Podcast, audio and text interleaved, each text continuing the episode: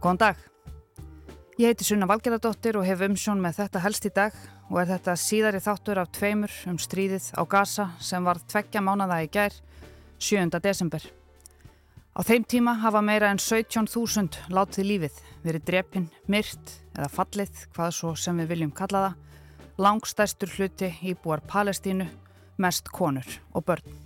Í þætti gerdagsins rætti ég við Ólufur Ragnarstóttur fréttakonu og sérfræðing fréttastofu Rúfum með Östurlönd og örlög að minnstakosti 63 bladamanna sem hafa verið drefnir í stríðinu. Mann og samtökur hægt held ég að eiga orð til að lýsa ástandinu.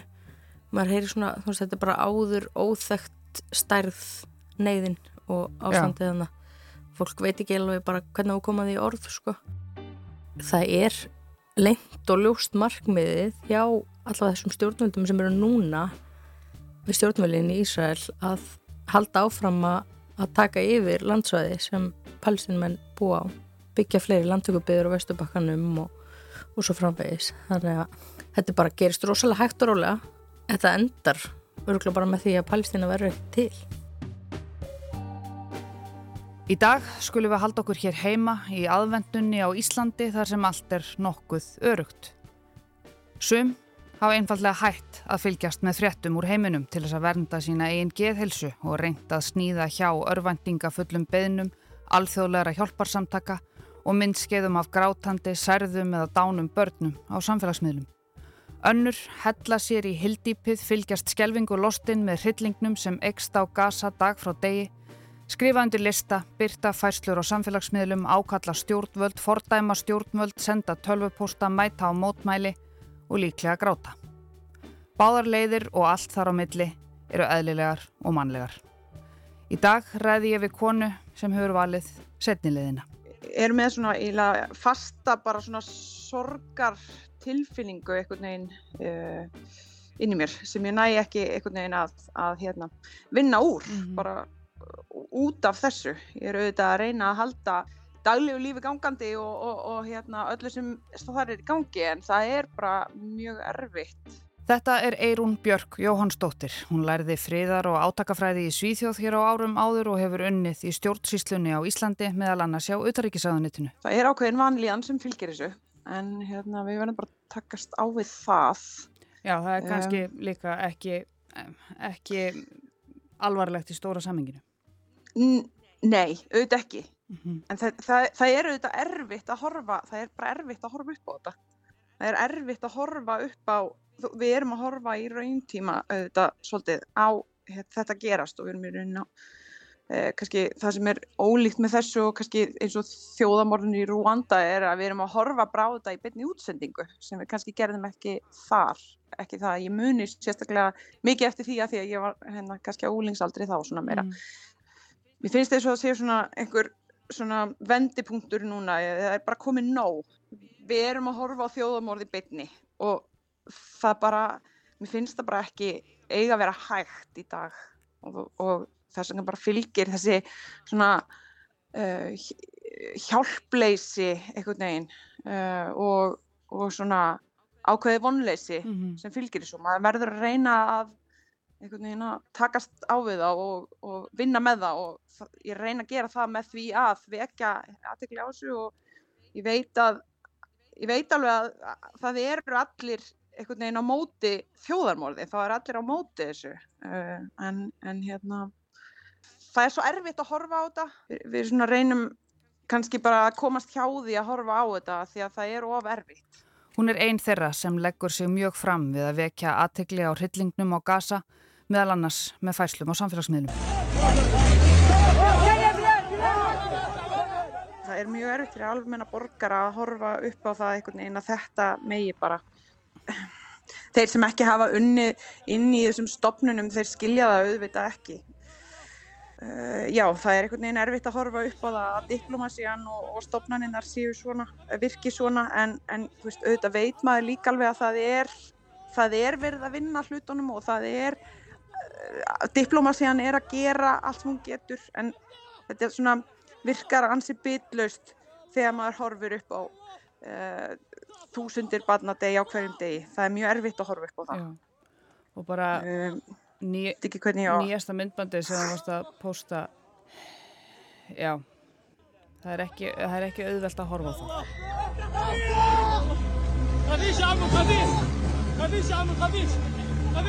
það.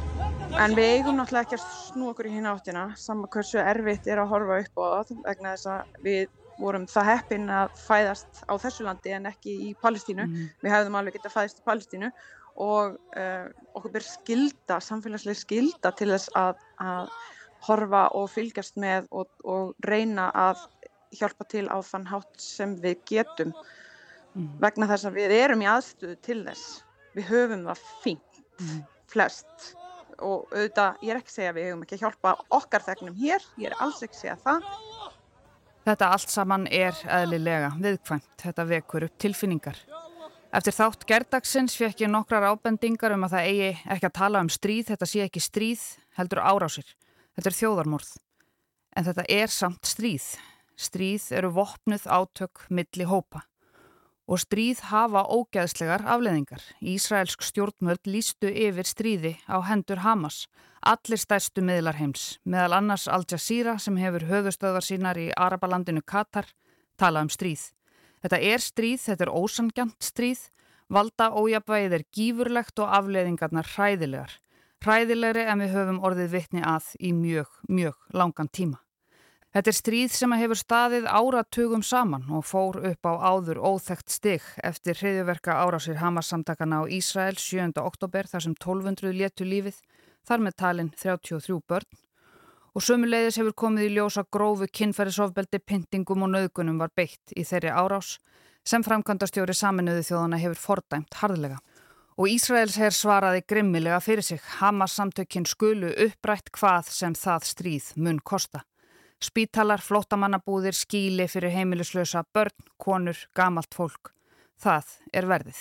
Ég veit alveg að, að það er allir allir á móti þjóðamorði, ég veit að það er enginn sem stiður það að börn séu drefin í, í hérna hrönnum en það er svona ákveðin tilfinning sem fylgir því að vera að reyna vekja aðtegla á þessu og ég veit alveg af hverju fólk vill ekki horfa á myndirnar og, og hérna deila og, og allt þetta ég veit alveg út á hverju það er og það er svona þessir, þessir sem gera það að þeir um, það er svona sama tilfinning eitthvað neginn sem við höfum. Okkur finnst eins og við séum að hrópa út í tómið en við erum ekkit að því. Það, það, það er alveg að gera eitthvað. Allir sem að deila einhverju, allir sem mæti samstöðugöngur, allir sem mæti mótmæli þeir eru að gera eitthvað. Eða, eða gefa til hérna, uh, hjálpastofnuna sem er að hérna, reyna að flytja inn hjálpgögg það að, að það gera allir eitthvað með því litla sem þeir gera mm -hmm. en já, ég get alveg sagt það það er svona ákveðin hérna uh, tilfinning sem að fylgir því einhvern veginn að vera að reyna að vekja aðtegla á, á mínum samfélagsmiðlum og reyna að mæti í mótmæli og þetta og það um, já, mm -hmm. við, okkur svona það er pínu, þetta er pínu eins og ég sá um, ég sá samlíkingu uh, ég sá eitthvað talum hvaða væri erfitt að vera um, grænmyndisæta í vinnunni mm.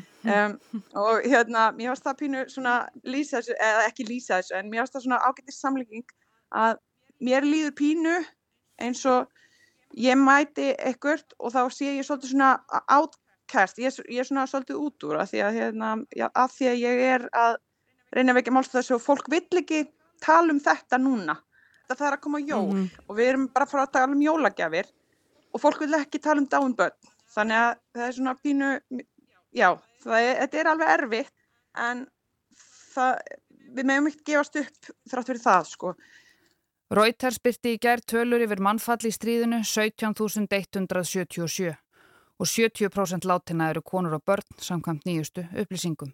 Það eru 1200 konur og börn eins og næstum því fjórfaldur íbúafjöldi Grindavíkur. Það er erfitt að fylgjast með hræðilegum hlutum og það er sérstaklega erfitt þegar þeir eru í alvörunni að gerast.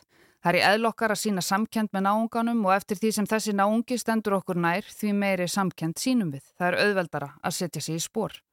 Það er auðveldara fyrir okkur að finna til með grindvikingum sem er að missa húsin sín og heimili heldur en íbúum La Palma á Kanaríegjum sem horðu margir hverjir á húsin sín ekki bara brotnaði sundur heldur raunverulega verða undir eldgósi. La Palma er ekki á Reykjanesinu. Og þegar fregnirnar bárust af þeim Samir og Yassan, palestínsku drengjónum sem íslensk stjórnvöld ætla að vísa úr landi og senda til Greiklands kiftust ráðamenn til og sögðumálið nýsta sig í hjartað og þetta væri ekki það sem við, Íslandingar, vildum standa fyrir.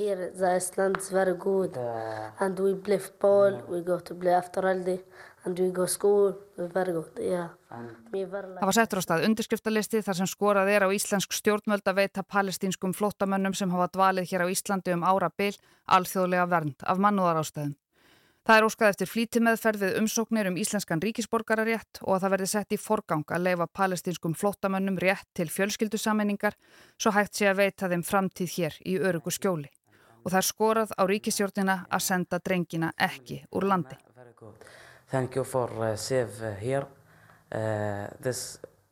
Það hafa líka verið hengtur upp palestínskir fánar við ráðhúsið Reykjavík, Háskóla Íslands og Hallgrímskirkju en þeir voru þó snarlega teknir niður. Þetta var vist ekki á vegum stjórnvalda. Og það eru sömulegðis uppi hávara rattir um þáttöku Íslands í Eurovision að við eigum að draga okkur úr keppninni og sína þar fordæmi fyrir aðrar þjóðir að standa ekki á sviði með Ísrael. Að fara fram á að Ísrael verði sparkað úr keppninni eins og Rúslandi. Mér finnst þetta bitleysi uh, alþjóðstofnana og svona, þú veist, sjálfsráðaréttur ríkja er bara of sterkur. Mm.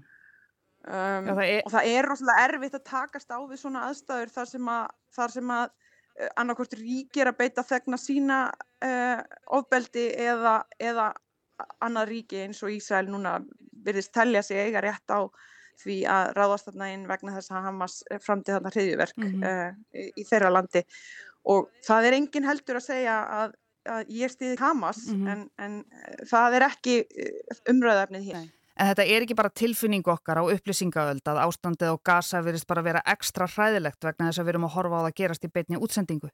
Í gær virkjaði framkvæmda stjóri saminuðu þjóðana Antonio Guterres hérna öflugu og sjálft notuðu 1909. grein sáttmála saminuðu þjóðana. Hún gerir það verkum að framkvæmda stjórin getur tilkynnt öryggisráðinu það sem hann telur ógna alþjóðlegum friði og öryggi.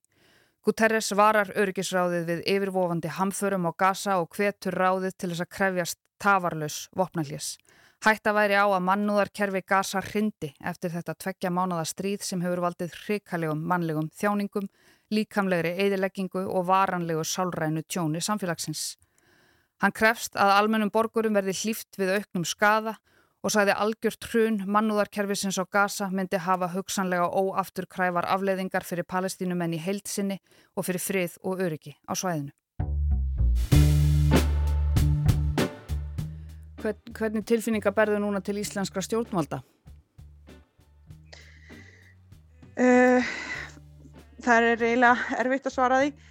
Að, eins og margir aðrir er ég búin að senda auðvitað á alþingismenn og ríkistjórnina ég veit alveg að hún kannski stendur ekkit rosalega stert og, og er veit að hérna, taka einhverjar sterkar ákvarðanir þar en, en hérna, ég hefði viljað heyra um, eitthvað meira frá þeim og ég veit ekki alveg hvað ég ætla að kjósa næst sko, ég bara veit það ekki alveg. Mm.